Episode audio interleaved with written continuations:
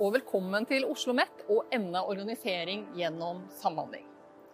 Hvorfor emnet organisering gjennom samhandling?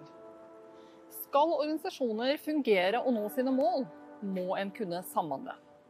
Samhandling handler ikke bare om å utveksle informasjon, koordinere møtetidspunkter og arbeidsoppgaver, men å jobbe integrert sammen mot felles mål for organisasjonen.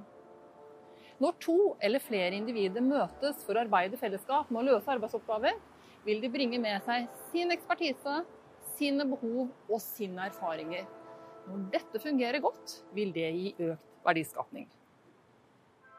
Hvordan en samhandler i en organisasjon kommer bl.a. an på hvordan den er organisert, og hva som er formålet til organisasjonen.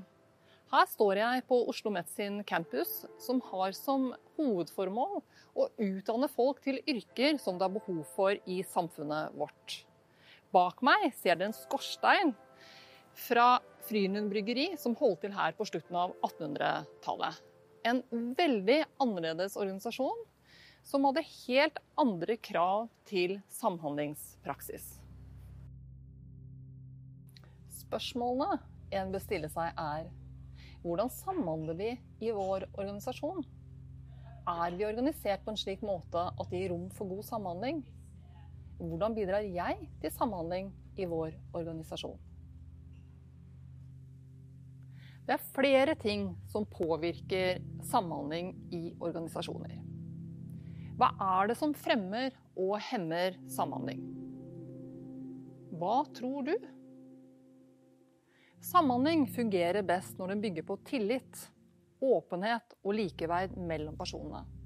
Det kan handle om å våge, ta risiko, eksperimentere, lære og dele kompetanse for å oppnå et felles mål.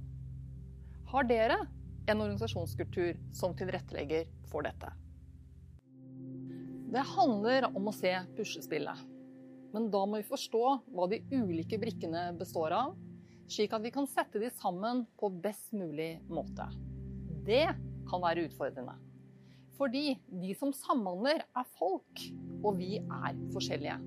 Vi påvirkes ulikt, og hva som skal til for god samhandling for meg, kan være veldig annerledes enn det det er for deg. Organisering gjennom samhandling.